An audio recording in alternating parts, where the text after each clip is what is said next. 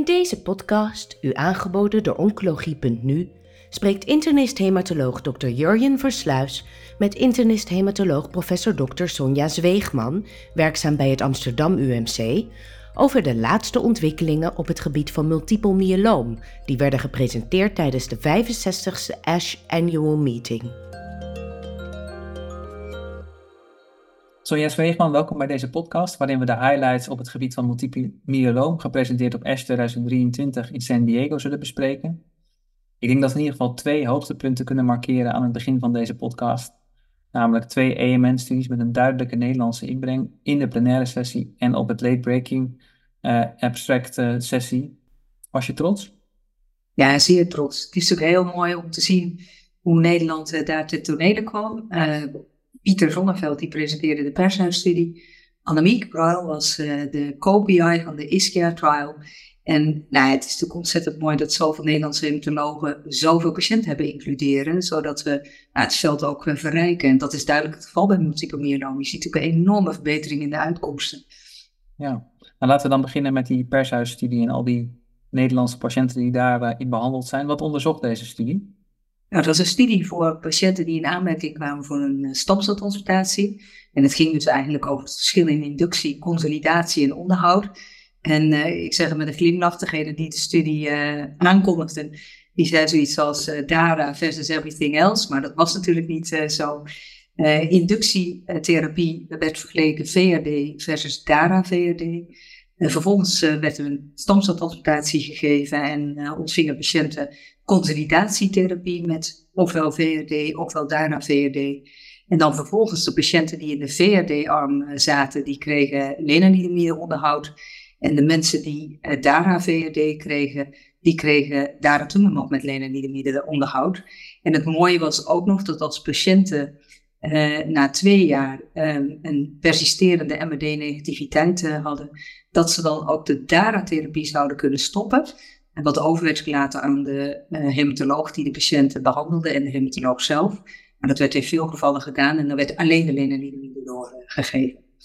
Een studie die heel mooi is, maar niet een tweede randomisatie heeft waarin de onderhoudsfase nog werd vergeleken. Dus het was echt wel, zoals de degene die introduceerde zei, één arm zonder daratumumab en één arm met daratumumab vanaf het begin tot aan uh, het einde.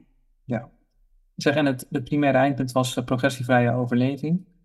Um, wat waren de resultaten? Nou, wat ongelooflijk mooi is, is dat na vier jaar in die experimentele arm met daratumumab uh, had nog maar 15% uh, progressie. Dus ja, dat is onvoorstelbaar uh, goed. En dus dat leidt tot een progressievrije overleving van 84% op vier jaar. En in de VRD-arm was dat 68%. Dus een evident verschil. Ja, en nou viel mij op in de subgroepanalyse dat er eigenlijk in alle groepen dat verschil was. Op één groep ja. En dat waren de patiënten ouder dan 65. Ja. Kan je daarop reflecteren? Nou, vaak is het natuurlijk zo dat dat kleinere groepen zijn en dat je daar moeilijk iets over kunt uh, zeggen. Je moet het ook eigenlijk natuurlijk uh, van tevoren vastleggen dat je dit uh, gaat doen. Dit zijn vaak toch post-hoc analyses. Maar in dit geval lag die mediaan wel echt op één. Dus echt precies in dat, in dat midden. Dus het zou best kunnen zijn dat de patiënt boven de 65 jaar hier minder baat bij hebben. En als je dan kijkt, dat werd niet helemaal getoond, maar als je de bijlage kijkt, dat het stuk is verschenen in de New England, dan komen er ook wel iets meer infecties voor bij die patiënten boven de 65 jaar. Hoewel dat ook weer niet leidde tot heel veel meer staken van de therapie. Dus het is wat, het is niet helemaal te verklaren.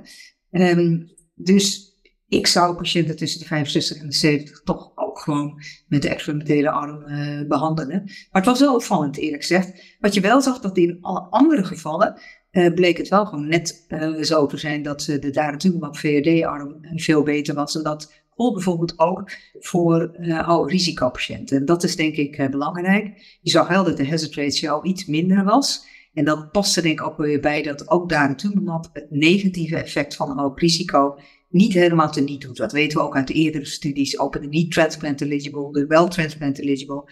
Dat gaat gewoon niet helemaal weg met alleen daratumumab. Nee. En Sonja, de, de huidige praktijk met een dubbele autologe transplantatie, dat was niet in dit protocol uh, geïncludeerd, hè? Nee, dat is heel lastig, omdat we eigenlijk nu niet weten. Kijk, wij hebben in Nederland altijd op basis van de EMN-studie, uh, hebben wij uh, op een gegeven moment besloten dat we de patiënten met hoog risico een dubbele autologische stamceltransplantatie zouden laten ondergaan. En dat zijn mensen met een, uh, met name de budget met de deletie 17p hadden daar baat bij. En het was zo dat die tweede transplantatie eigenlijk wel het negatieve impact van hoog risico helemaal te niet deed. Maar dat was natuurlijk in een tijdperk zonder de daratumumab. Dus we weten niet goed hoe we dat moeten doen ten tijde van daratumumab. We hebben daar in de hoofdimmunowerkgroep langdurig over gediscussieerd. En omdat het effect bij de 414 en de 1416 sowieso minder was dan alleen bij de deletie 17b, we hebben nu de richt, nieuwe richtlijn, maar dat is toch meer expert opinion dan dat je dat echt kunt bewijzen, gezegd, wellicht moeten we dat bij de deletie 17p nog wel doen. En dan hebben we ook gezegd, dan moet je eigenlijk ook nog naar de grootte van de kloon uh, kijken. Want hele kleine de LCCP, die hebben weer minder impact op het, uh, op het negatieve risico. Ja. met andere woorden, dat is in het licht van deze studie zeker niet iets uh, wat mist, wat jou betreft. Nee, dat zeker. En daar komen we niet achter. Het is wel zo dat op basis van MRD de MIDAS-trial nog wel gaat onderzoeken of bij hoogrisicopatiënten functioneel, dus dat zijn mensen die geen MRD-negativiteit na inductie bereiken, die mensen worden gerandomiseerd tussen één of twee transplantaties. Dus dat gaan we in de toekomst wel nog leren. Nou, dat wordt vervolgd. Nou, nou werd MRD natuurlijk ook in deze studie bekeken. Um, en denk ik toch ook wel een, een behoorlijk significant verschil. Wanneer werd deze MRD gemeten en hoe? Nou, de MRD die werd uh, uh, na de inductie, die werd uh, postconsolidatie gemeten en dan tijdens de maintenance ook nog. En je zag dat gedurende de studie de MRD-negativiteit in de experimentele arm veel hoger was. Dat scheelde zomaar zo'n 30% als je ging kijken naar 10 tot de min vijfde en ook naar 10 tot de min zesde, zelfs nog wat, wat meer. En als je dan ging kijken naar die mensen die 12 maanden of langer MRD-negatief eh, waren, dan zag je dat dat in die DARA-VRD-arm veel hoger was. Dus dat was 65% versus 30% met VRD. En dat is eigenlijk belangrijk, omdat de mensen die dat hadden, dus langer dan 12 maanden sustained MRD negativity, die mochten ook stoppen met de daratumumab. En dat gebeurde dus in 64% van de patiënten. En het is dus heel belangrijk om straks te leren of je dat ook veilig kunt stoppen. Want ik denk dat MRD als eindpunt is nog steeds niet door de FDA en EMA eh, toegestaan eindpunt. Maar ik denk wel in de klinische praktijk met name van belang om te kijken of je bij patiënten met sustained MRD-negativiteit therapie kunt stoppen. En dat is ook van toegevoegde waarde voor de patiënt. Ja. Ik wil zo nog iets dieper ingaan op MRD. Maar voor, uh, voordat we de pershuisstudie afsluiten, verandert dit nou nog iets voor de Nederlandse praktijk? Want we hebben eigenlijk volgens mij nu gesteld dat DARA-VRD eerste keuzes voor inductie. Dat iedereen ook na autoloog twee consolidatiekuren krijgt. Ja. ja, dat hadden we eigenlijk al vastgesteld in de richtlijn. Um, en dat hebben we eigenlijk gedaan op basis van toxiciteit. Want we hadden op dit moment alleen maar de Cassiopeia-trial. Die is, heeft ertoe geleid dat daaraan VTD, inductie en consolidatie de standaardarm was. Met dan een onderhoud. Toen hebben we gezegd, thalidomide geeft toch meer toxiciteit dan lenalidomide. En toen hebben we in Nederland kunnen regelen dat ook daarna VRD vergoed uh, gaat worden. Maar nu is het de vraag, wat is nou de meest effectieve onderhoudstherapie? En eigenlijk kun je dat op basis van deze studie niet zeggen, omdat DARA-R niet werd vergeleken met R alleen. Nou, er zijn een paar redenen om te denken dat DARA-R misschien toch beter is. Dat heeft te maken met het feit dat na de consolidatie er toch een toename optrad van MRD-negativiteit. En dat die zeker groter was in de DARA-VRD-arm dan in de VRD-arm. Dat is misschien wel op het konto van uh, de onderhoudsbehandeling. Um, maar of dit gaat leiden tot DARA-R als geregistreerde en ook vergoede onderhoudsbehandeling, dat is zeer de vraag. Want de methodologie is daar niet toe toereikend. Maar het mooie is, is dat er wel binnenkort bewijs komt uit een Duitse trial waarbij ze isatuximab met lenalidomide hebben vergeleken met lenalidomide. En dat is wel netjes gerandomiseerd in de onderhoudsfase. Daar is ook op gebouwd.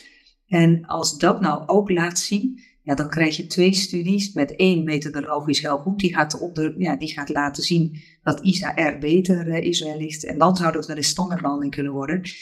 Wat nog wel belangrijk is, uh, jij bent natuurlijk ook een methodoloog persoon. Maar ook de overall survival is nog niet verschillend. En juist bij onderhoudstherapie zou je misschien toch ook een overall survival benefit willen hebben. Dus um, er is nog wat langere follow-up nodig, denk ik. En uh, de Duitse studie moet dan nog komen. En dan zullen we gaan zien of ook daarna in onderhoud uh, de standaardbehandeling zal gaan uh, worden. Ja, nou, het is een mooi bruggetje naar de discussie over eindpunten, die natuurlijk in multiple myeloom ook heel levendig gevoerd wordt. Um, weet je in de pershuisstudie iets over crossover, met andere woorden, patiënten die daar hebben gehad in de tweede lijn? Um, en zijn er stiekem veel VRD-patiënten die um, uiteindelijk ook daratumumab hebben gehad? Ja, dat zal... Je liet het niet zien in zijn presentatie? Nee, nee. en uh, ik heb het eerlijk gezegd ook niet in de uh, publicatie gevonden. En volgens mij staat het ook niet in de supplemental, maar daar durf ik niet mijn hand voor niet helemaal in het vuur te steken. Ik denk dat dat in dit tijdperk zo is. Als je destijds naar de Elsion trial ging kijken, dan kreeg maar 8% van de mensen die VNP kregen, kregen in tweede lijn DARA. Ja, dan komt het overal survival benefit natuurlijk sneller in beeld. En dat zal hier uh, minder zijn. Want het is natuurlijk zo, als je daar natuurlijk nog onderhoud geeft, kun je daar natuurlijk nog niet meer nadien geven. En we weten ook allemaal dat daar natuurlijk in combinatie met uh, carfilzomib en dexamethason of isatuximab in combinatie met carfilzomib en dexamethason een hele lange mediane PFS kan geven in tweede lijn. Dus of dat overal survival effecten gaat komen, is ook zeer de vraag. Want ook in Nederland kunnen wij natuurlijk wel uh, afgekort DARA-KD en ISA-KD geven. En wellicht is dat ook net zo goed. Ja. Nou, dan een beetje doorgaand op die surrogaat eindpunten. Dan komen we eigenlijk denk ik bij de ISKIA-studie. Waarbij, en je hebt dat denk ik ook gemerkt, als je de app opent uh, van de Ash, dan zie je alle Twitter-feeds voorbij komen. Of X-feed moeten we dat noemen. Uh, en toen viel mij op dat er toch eigenlijk best wel wat kritiek was op, die, op dat eindpunt van de ISKEA-studie, um, MRD. En dat iedereen zich afvroeg, ja, en dan? Kunnen we dan ook iets, iets zeggen over PFS? En dat was, tenminste, dat zo proefde ik dat, de teneur tussen de PFS-data op zijn minst. Ja, ja, ik, ik, denk ook dat dat waar is. Het is een beetje de vraag uh, waarom een studie met een MRD-eindpunt uh, um, ja, uh, gekozen is voor de plenary session. Dat heeft misschien ook wel te maken met het feit dat er vanuit de community heel erg gedrukt wordt om MRD mee te gaan nemen als eindpunt, ook bij de FDA de EMA. En dat heeft misschien wel met, te maken met het feit waarmee ik begon, dat als je nu een PFS vrije uh, populatie hebt van 85% op vier jaar, en je wil dan nog verschil aantonen om te verbeteren, ja, dan kom je dus op uh, patiëntenpopulaties uh, in studies van meer dan 1500 patiënten. En dan moet je ongeveer vier jaar includeren en dan krijg je na 9,5 jaar krijg je je, meet je je uitkomst. En dat is natuurlijk voor het verkrijgen van nieuwe therapie heel onhandig. Dus er is zeker een reden om te denken dat je dan naar MRD moet kijken. Aan de andere kant heeft MRD duidelijk prognostische waarde, maar hoeveel verschil in MRD je moet hebben om te weten hoeveel verschil in PFS dat gaat worden, dat weten we eigenlijk nog niet goed. Daar is overigens heel recent wel door Bruno Paiva in Blood Advances iets over gepubliceerd. En zij zeggen dat als je ongeveer 10% verschil hebt in MRD, ja, dan gaat dat misschien een significante PFS-verbetering uh, geven. Maar dat zijn allemaal toch een beetje onttrekkend bewijs. Dus er zal uit veel studies gekeken moeten worden. Wat is de relatie tussen MRD-verbeteringen en PFS-verbeteringen? En de International Myeloma Working Group is dat in ITO-teams in die studie aan het ontwikkelen door naar hele grote datasets te kijken. Te kijken of we dat wat harder kunnen krijgen. Ja, en dan is het ook nog zo, hierin zeg ik met een, met een glimlach. Is dat de ISKIA-studie natuurlijk ook een studie is met twee experimentele armen. Er is geen standaardarm in de ISKIA-studie, want er werd natuurlijk KRD, autoloog stomceltransplantatie, dan vervolgens vier KRD post-autologe consolidatie en dan nog 12 keer KRD, een lichte consolidatie met lagere doseringen van carfilzomib en lenalidomide, vergeleken met dit geheel plus isatuximab in de hele uh, behandelfase, dus vanaf inductie tot aan uh, de consolidatie. En daarna werd de mogelijkheid geboden om leninggebieden onderhoud te geven. Um, dus ja, um, um, er is wel iets te zeggen over de methodologie van deze studie op allerlei gebieden. Voordat we nog heel even verder gaan, denk ik goed voor de luisteraars kort, want de afkortingen in het multiple myeloomveld zijn uh, ja. natuurlijk gemeengoed, maar KRD staat voor carfilzomib, lenalidomide, dexamethason en ISA uiteraard voor isatuximab. Het primaire eindpunt, hè, we hadden het over die MRD-negativiteit. Denk ik Ja. erg gemeten, als ik het zo eh Ja, absoluut. Ja, zag. Eh, dat haalde wel precies die, eh, die 10% die jij schetste, ja zeker. die nodig is Ja. om het PFS-verschil te tonen. Ja. En sterker nog, op een dieper niveau, 10 tot en min 6 niveau, zelfs dan 10%. Ja, was het, was het zelfs nog meer hoor. Was het bijna 20 eh, procent. Dus als je naar die 10 tot en min 60 ging kijken, was dat 20 procent. Dus ja, dat zich dat gaat vertalen in een PFS-voordeel, dat geloof ik eh, wel. Bij 10 tot en min 50 was het niet 10 procent. En waar deze studie misschien toch wel heel nuttig voor gaat, eh, gaat zijn, want dit gaat geen standaardtherapie worden en geregistreerde therapie eh, in Nederland, maar ook niet daarbuiten. Dus wij zullen daar geen toegang toe hebben. Dat zal anders zijn in de US. Maar hier in Europa gaan wij geen toegang hiertoe hebben. Maar wat denk ik wel belangrijk is, is dat je zag dat de toegevoegde waarde van die isatuximab met heel langdurig carfilzomib, lenalidomide, dexamethason liet met name een effect zien ook in die patiënten met ultra risk. Dus met patiënten die twee eh, cytogenetische of moleculaire afwijkingen eh, hadden. Daar was eigenlijk eh, de odds ratio 9, terwijl dat bij de patiënten zonder afwijking of maar één afwijking zat dat rond de 2.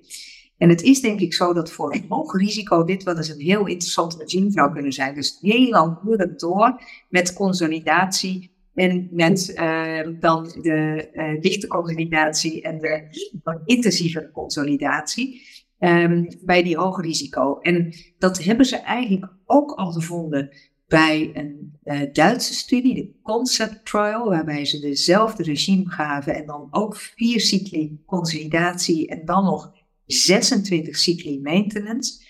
En dan zag je bij de hoge risico dat de mediane progressievrije overleving niet bereikt werd en al richting toch drie, vier jaar gaat. Terwijl je verwacht in zo'n hoog risico dat dat maar 20, 30 maanden is. Dus de eerste aanwijzingen dat dat zinnig zou zijn, komt uit gepubliceerde data uit Duitsland. En dan werd er tijdens deze uh, ASH ook nog data gestuurd, uh, getoond van de Optimum Trial, ook in hoge risicopatiënten. En daar zie je ook dat zo'n heel intensief regime een veel betere uh, mediane of een progressievrije overleving op 30 maanden geeft. 77% nog in remissie. Terwijl dat voor um, carfilzomib, cyclophosphamide, lenalidomide, dexamethason of alleen maar cyclophosphamide, lenalidomide, dexamethason maar ja, 50 en 35 procent uh, was. Dus voor hoog risico, zeer langdurig behandelen met een quadruplet, dat is waarschijnlijk wel van toegevoegde waarde. Ja, ja, ja inderdaad. En ondanks, ik, bedoel, ik moet toch ook een klein beetje kritisch uh, naar jou zijn, Sonja. Dit waren wel maar 13 en 15 patiënten in beide armen die, die hoogrisicoafwijkingen hadden. Uh, en dan is het inderdaad wel een opvallend verschil. Uh, met een enorme odds ratio, maar... Ja, maar wel, maar wel een die uh, zeg maar de één lijn uh, niet kruist. Hè? Dus het is, het is wel uitgesproken. En als je dan ging kijken, want um, ik ben het helemaal met je eens en ik denk dat ik al kritisch genoeg over deze studie ben geweest. Maar als je dan ging kijken naar de MRD-negativiteiten um, bij mensen met twee hoog risicoafwijkingen, dan uh, was dat bij 10 tot en min 6 77 procent met isatuximab KRD en maar 27% met KRD. Uh, bij, die hoog, bij die ultra hoog risico. Dus dat was toch wel heel uitgesproken, Jurjen. En ik denk dus drie trials die een beetje dezelfde richting op, uh, opgaan. Ja, en betekent dat dan ook, ik heb het je wel eens vaker gevraagd, dat je eigenlijk ook op basis van risicostatus van het multiple zelf je behandelstrategie moet, moet gaan bepalen? Ja, ja, dat kunnen wij nu nog niet voor ultra high risk, want ja, we hebben geen mogelijkheden uh, om patiënten anders te behandelen nu. Maar het, het zou heel mooi zijn als je naar dit soort regimes zou gaan kijken en ook zou kijken of dat voor die hele specifieke populatie, die klein is, dat je die anders zou kunnen uh, behandelen.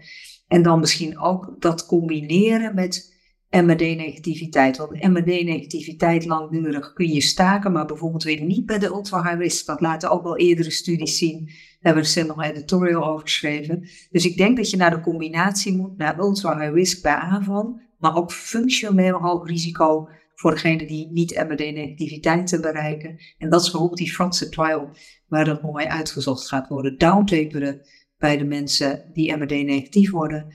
En opschalen bij de mensen die MRD-positief blijven. En dan bijvoorbeeld naar die twee autonome stopselconsultaties. Uh, ik wil een beetje over de niet transplant eligible patiënten. Um, en eigenlijk jullie eigen werk van de HOVON 143 uh, aanstippen. Gepresenteerd door Febe Smits. Uh, wat liet zij zien? Nou, allereerst, uh, ik zeg het iedere keer weer. Het is echt bijzonder dat wij als eerste in de wereld een, patiënten, of een studie hebben kunnen doen voor veel patiënten. We hebben ongelooflijk veel hematologen in Nederland aan meegewerkt en in korte tijd patiënten geïncludeerd. Dus we hadden voor frail en intermediate fit patiënten ixazomib, daratumumab en dexamethason. En toen hebben we de frailty bij aanvang bepaald, dus toen ze behandeld werden. Maar we weten allemaal dat frailty waarschijnlijk ook beïnvloed gaat worden door de behandeling, omdat frailty ook voortkomt uit de ziekte zelf. En als je de ziekte gaat behandelen, dan zou het wel eens zo kunnen zijn dat je activiteiten in het dagelijks leven beter worden, in plaats van uh, slechter door de behandeling. En daarom hebben we gekeken naar hoe dynamisch is dat uh, frailty profiel nou over de tijd. En dat is wel bijzonder, want ook dat heeft eigenlijk niemand echt nog in de wereld uh, gedaan. Dus we hebben in Nederland in de hoofd 143 gekeken bij start naar drie cycli en naar negen cycli. En van alle mensen die toen nog behandeld werden, uh, hadden we voor bijna alle patiënten een frailty score, want dat was in meer dan 90% uh, het geval. En wat bleek nou? Bij die patiënten die intermediate fit waren, zag je dat 15% fit werden na de behandeling. 13% verslechterde. Dus er zijn ook zeker patiënten die door de behandeling niet beter uh, worden. En 72% uh, bleef uh, gelijk. En nou zou je misschien denken dat dat voor de frail anders zou zijn, namelijk dat minder patiënten zouden verbeteren. Maar dat bleek niet het geval te zijn. Daar verbeterde 40% van de mensen. Dus die gingen van een score van 5 bijvoorbeeld naar 4, 3 of 2 of nou ja, binnen de categorie. En 20% werd zelfs intermediate fit en een van de patiënten werd zelfs fit. Dus behandeling kan de frailty doen veranderen. En dat is van belang voor de dagelijkse praktijk, omdat je dan misschien ook de therapie weer wat zou kunnen uh, intensificeren. En wat, wat we toen ook gekeken hebben, is het nou zo dat als die frailty score verandert, dat je dan ook een slechtere of een betere prognose hebt, afhankelijk van of je frailty score slechter wordt of beter wordt. En dat bleek zo te zijn. Dus die verandering in frailty die was geassocieerd met overall survival, PFS 2, tendens al voor PFS en ook uh, vroeg sterfte, dus binnen 30 uh, dagen. En het was ook zo dat als je zo'n dynamische frailty deed, en dat hebben we met een joint model bekeken, dus je kijkt dan naar een koksuggestie, maar je kijkt ook naar de tijdsveranderende covariaat, dus ook naar die frailty dan zag je dat je veel preciezer, dus een veel kleinere confidence interval, kon je dan ook voorspellen wat de survival of PFS was. Nou, en dat gaat dan mogelijk in de komende tijd ervoor zorgen dat je niet onder- of overbehandelt. En daarbij is van belang dat er ook nog een poster was van de Engelse groep. Die hebben een hele prachtige Frailty Adjusted Trial, waarbij ze op basis van frailty de therapie aanpassen en ook op basis van dynamische frailty. Zij vonden ook dat de verbetering en verslechtering optrad. Een beetje, zo'n beetje in, in, gelijke getallen als wij hebben gevonden. En zij gaan dus ook aantonen uh, straks uh, of het zo is dat als je dan de therapie aanpast, dat de uitkomst zo beter gaat worden. En dat konden wij natuurlijk in de hoofdton 43 niet, want we hebben de therapie niet aangepast. Dus belangrijke ontwikkelingen, denk ik. Nou, ja, en interessant om te volgen. En nou, ja, het veld wordt alleen maar uitdagend als je MRD, frailty, verandering in je behandelbeslissingen moet gaan meenemen. Ja. Maar goed, daar ga je vast verstandige dingen over zeggen in de, in de aanbevelingen voor de richtlijn. Ja, het is nog wel een beetje expert opinion, maar we kunnen in ieder geval lans voorbreken op basis van deze gegevens. En ik denk dus ook dat we in Nederland Frailty Adjusted Trials moeten gaan ontwikkelen. Net zoals de UK dat uh, aan het doen is. Zij verwachten uitkomsten eind 2024. Dus dan leren we ook echt uh, of het tot aanpassing moet leiden. Hele mooie studie die ze gedaan hebben kan toch niet helemaal laten. Moeten we dan ook naar frailty kijken bij jongere patiënten? Ja, ik denk dat je dat niet op basis van leeftijd alleen uh, moet uh, doen. Kijk, je kijkt een beetje door de oogharen, want dat blijkt niet altijd te kloppen. Maar die oogharen geven wel een, ja, toch een beetje generale blik. En ik denk dat wij als dokters soms niet altijd helemaal doorvragen. Dat mensen zich natuurlijk uh, helemaal aangekleed bij ons zich het beste voordoen. En dat het thuis ook eens wat anders kan zijn. En dat, ehm, ik denk bijvoorbeeld voor alle geen transporteren, dat het heel erg van belang is om naar dit soort dingen te kijken. En dat doen veel uh, transplanteurs ook uh, al, om dat gewoon beter in te schatten. Ja, nee, ik denk dat het echt onderstreept hoe belangrijk, hoe belangrijk dit soort yeah. analyses zijn. Oké, okay. we, we, gaan door naar de relapse refractory um, setting. Yeah. Waar voor mijn gevoel wat minder data werd gepresenteerd dan andere jaren. Het was iets rustiger qua specifieke en uh, yeah.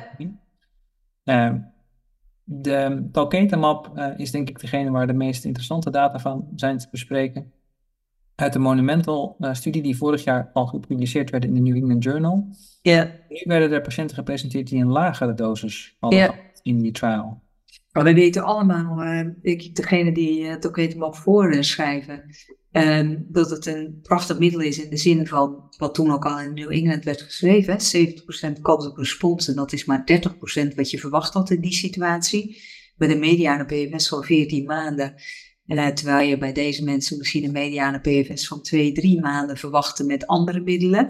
Maar je ziet veel off-tumor on-target bijwerkingen. Want GPC5D zitten op meer uh, orgaanweefsel dan alleen de plasmacellen. En dan met name op um, mucosale uh, cellen. En wat je dus ziet is dat. Uh, en, en nagels. Dus wat je ziet is dat er heel veel afwijkingen aan de nagels zijn, aan de huid. Zowel rash als non-rash. En die mensen die proeven uh, niet meer goed. En dat uh, is toch lastig in het dagelijks leven als je dat niet uh, hebt. En dat zijn allemaal niet graad 4, 3, 4 bijwerkingen. Maar als een graad 1, 2 bijwerking zich chronisch blijft voordoet en blijft bestaan, dan kan dat toch de kwaliteit van het leven sterk verminderen. En dat merken wij ook in de klinische praktijk bij die patiënten. En daarom is gezegd, goh, en dat doen wij hier eigenlijk ook al in de klinische praktijk, als je nou de dosering verlaagt of je gaat het interval uh, verlengen. Dus uh, bij deze studie werd de dosering verlaagd van 800 microgram per kilogram naar 400 microgram per kilogram. Of die 800 microgram per twee weken werd veranderd naar 800 microgram per vier weken. En dat hebben ze in een kleine setting. Eerst hebben ze het uh, retrospectief bekeken. Toen hebben ze in een kleine setting dat prospectief vergeleken. waarbij ze de patiënten die ze retrospectief keken wel betrokken. Maar dan zie je eigenlijk dat uh, de mediane PFS eigenlijk ongeveer hetzelfde blijft. Dus qua effectiviteit lijkt dat te kunnen. Ik zeg wel lijkt, want de, de studie moet nog wel een wat langere follow-up hebben en ook een gelijke follow-up in die uh, beide armen. en het gaf ook verbetering van de klachten. En met name in de huidtoxiciteit. Je zag dat ongeveer 70 van de mensen minder rash hadden, 50% minder non-rash toxiciteit. De orale toxiciteit, die mensen hebben ook wel echt een, ja, die proeven dus niet goed. Dat werd dus verbeterd in ongeveer 40% van de patiënten. De nagels wat minder, dat was ongeveer een 20. Maar hele brokkelige nagels breken vaak af. Je kunt eigenlijk in de spreekkamer zien wie de tapetenmap krijgt. Het gewichtsverlies, dat verbeterde eigenlijk nog niet zo. Dat ging zelfs ook nog wel verder achteruit. Dus ze eten nog steeds wel wat minder. Maar ik denk belangrijk, en ik denk dat dat straks, dat werd niet getoond, maar ook voor de met name infectieuze complicaties, behalve de supportive care, denk ik ook belangrijk gaat worden. Als je nu minder vaak geeft, gaan die infecties dan ook minder worden. En ook dat zien we eigenlijk al in de dagelijkse praktijk uh, terug. Dus een belangrijk iets um, voor de dagelijkse praktijk. Ja, nou, trials die natuurlijk al langer lopen zijn de CAR-T-trials, uh, zoals de CARTITUDE 2 waarbij um, ook wat langere follow-up data werden getoond. Um, waarbij je dan toch hoopt dat dat lijntje een keer wat meer horizontaal gaat lopen, de plateaufase. Ja, uh, wat ja wat, ze, wat ze tonen, Jurjen, is een groep van 19 patiënten, ik zeg het toch even. En wij hebben er zelf absoluut aan meegewerkt, dus ik ben natuurlijk enthousiast in die zin over de populatie waar we het hebben uh, uitgezocht. En dat zijn uh, die patiënten uh, bij wie um, er een snel recidief was, dus minder dan 12 maanden na de start van de therapie bij de niet-transplant eligible of 12 maanden na de autologe stamceltransplantatie. Nou, je weet dat je bij die patiënten een mediane overleving van twee jaar verwacht. Dus eigenlijk een heel slechte populatie uh, patiënten, met een, niet een slechte populatie, maar met een slechte uitkomst. En als je die patiënten dus uh, de cilta-celtherapie gaf, dus de BCMA, CAR T-celtherapie, dan uh, bleek bij een mediane van, van 30 maanden de mediane PFS helemaal nog niet bereikt te zijn. En zit je op twee jaar met nog zo'n 70% mensen progressievrij. Dus dat is hoopgevend, maar een kleine populatie patiënten. En nou, we weten natuurlijk al met de Cartitude 4-studie dat na 1 tot 3 lijnen therapie het beter is dan standard of care. En nu komt natuurlijk de Cartitude 6-studie, waarbij het vergeleken gaat worden met de autologe stamceltransplantatie. Uh, maar voor die patiënten die niet in eerste lijn een CAR T-celtherapie hebben gehad, als straks blijkt dat dat beter is dan autoloog transplanteren, ja, dan is dit een patiëntenpopulatie die daar waarschijnlijk baat bij heeft. Maar grotere populatie patiënten nodig. Ehm, maar een duidelijk signaal. Ja, optimistisch. Ja. Nou ja, en um, ook data met IDCL werden weer getoond. Uh, met kwaliteit van leven die ook duidelijk beter was met CAR-T. Die wat denk ik vooral komt omdat die patiënten geen langdurige andere therapie ja. Ja, toch wel bijzonder vind ik hoor, Jurjen. Want kijk, als we nu gaan kijken naar de kwaliteit van levendata van alle studies die we hebben, niet met uh, immuuntherapie, dan uh, staat er in de abstracts altijd dat het heel veel beter wordt. Maar als je heel eerlijk uh, bent, is het vaak niet eens veel beter dan de standaardarm. En als het beter is, is het statistisch significant verschillend, maar heel vaak niet. Um, wat beter dan eh, dat mensen de clinical benefit bij hebben. Wat overigens ook een statistische uh, definitie is. Dat hebben we nooit aan patiënten gevraagd. Dat moeten we nu eens doen. Maar in ieder geval moet het verschil daarvoor veel groter zijn dan alleen maar statistisch. En in deze studie zag je echt dat die minimally important difference werd uh, gehaald. Dus dat je zag dat met ieder cel die general uh, health status, dus die algemene kwaliteit van leven, echt in de eerste twee tot vier weken even slechter werd, maar dan absoluut verbeterde. En na ongeveer drie maanden echt klinisch significant verbeterde. En dat was totaal niet met de controlearm uh, in die Karma 3 uh, eh, trial. En datzelfde geldt voor uh, moeheid, ook, ook nog veel beter klinisch significant. Voor pijn zat het net op de grens van klinisch significant, maar ook zeker statistisch beter.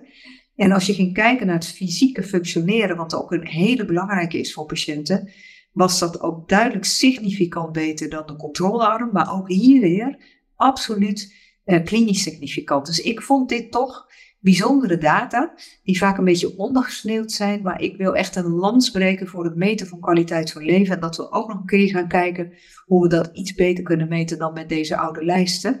Uh, maar chapeau uh, dat dit werd uh, getoond en ook in een oral. Ik denk belangrijke data. Ja, nou, dat vind ik leuk om te zien hoe dat, vooral myeloomveld daarin pioniert. Hè? Frailty, kwaliteit van leven. Als ja. Naar het veld waar ik vooral in werk, ja, MEL en allogenese transplantatie, doen we dat eigenlijk veel te weinig. Ja, ja. Zo ja, we komen eigenlijk een beetje aan het eind van deze podcast, maar ik weet dat je nog heel graag wil hebben over een, een leuke studie die je tegenkwam over um, het microbioom. Ja, ja, dat Wil je was... graag over zeggen? Ja, nou, ik zal, ik zal proberen dat, uh, dat heel uh, kort te doen uh, natuurlijk. Maar dat was een enorm mooie studie. En je zou bijna denken, goh, we moeten microbioom-onderzoek gaan doen. Waarbij de onderzoekers hebben gekeken naar bepaalde bacteriën in de feces. En wat zij vonden, is dat eh, als je ging kijken naar bepaalde species van Prevotella, dan zag je bij de Heparinolytica eh, Prevotella zag je heel veel T-helper 17 cellen die ook veel IL-17 maakten. En we weten dat IL-17 een myeloom kan laten groeien. En dan ook nog eosinofielen activeert, waarbij dan wat IL-6 vrijkomt. En dan zag je dus dat in muizenmodellen er sneller van smoldering myeloom naar myeloom werd uh, gegaan. Terwijl als je ging kijken naar de Prevotella melangenetica, een prachtige naam, dan zag je juist minder TH17-cellen en dus minder IL-17.